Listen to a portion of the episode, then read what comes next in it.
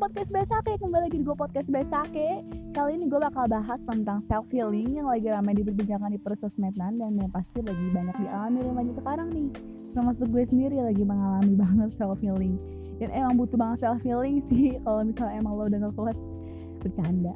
Nah, self healing menurut gue itu adalah suatu kekecewaan, kegundahan, ketidaknyamanan, kesedihan pada diri, hati, dan keadaan yang kita alami saat itu. Nah, self healing itu sebenarnya banyak caranya guys, banyak caranya.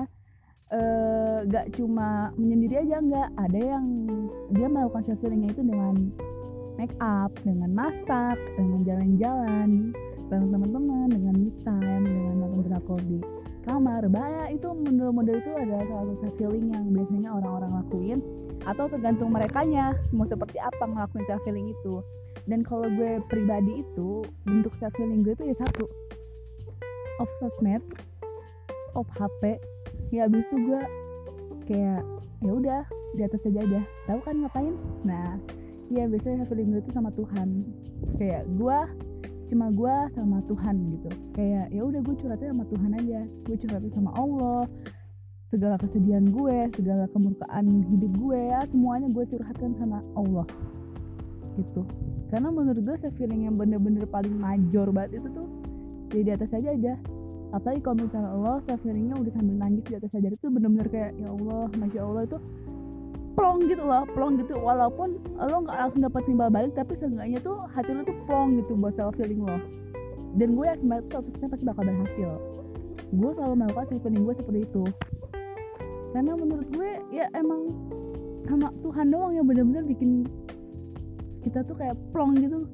Ya ibaratnya gini lo punya masalah nih lo cerita sama teman oke okay, sama teman bakal dapat timbal balik langsung dapat nasihat motivasi segala macem uh, tapi kalau sama Allah walaupun lo nggak dapat timbal balik secara langsung tapi seenggaknya hati lo plong. Beda kalau sama teman plongnya cuma sesaat cuma kalau sama Allah tuh plongnya udah bener lama. Lama banget bakal awet. Itu self feeling yang menurut gue paling baik paling manjur paling the best banget sih. Kalian harus coba. Dan sebenarnya self healing itu emang bener-bener buat menyembuhkan ketenangan diri kalian. Jadi kalau misalnya emang kalian lagi kecewa sedih dan segala macam ya kalian lakukan self healing itu gitu. Bebas sih tergantung kegiatan apa yang kalian suka kalian lakuin. Insya Allah bakal tenang sih diri kalian gitu loh. Karena zaman sekarang lagi banyak-banyak banget yang lagi healing-healing biasanya tuh healing gitu kalau di Twitter aja nah jadi itu aja sih yang pengen gue bahas. Ya singkat gue juga gak mau banyak-banyak soalnya karena kalian juga pasti udah pada familiar banget sama kata-kata itu Oke, okay, kurang lebihnya kalau misalnya podcast kali ini agak kurang berfaedah ya nggak apa-apa ya karena gue pengen ngomong aja, pengen ngoceh gitu di sini di podcast. aja Ya udah, kalau gitu bye. See you. thank you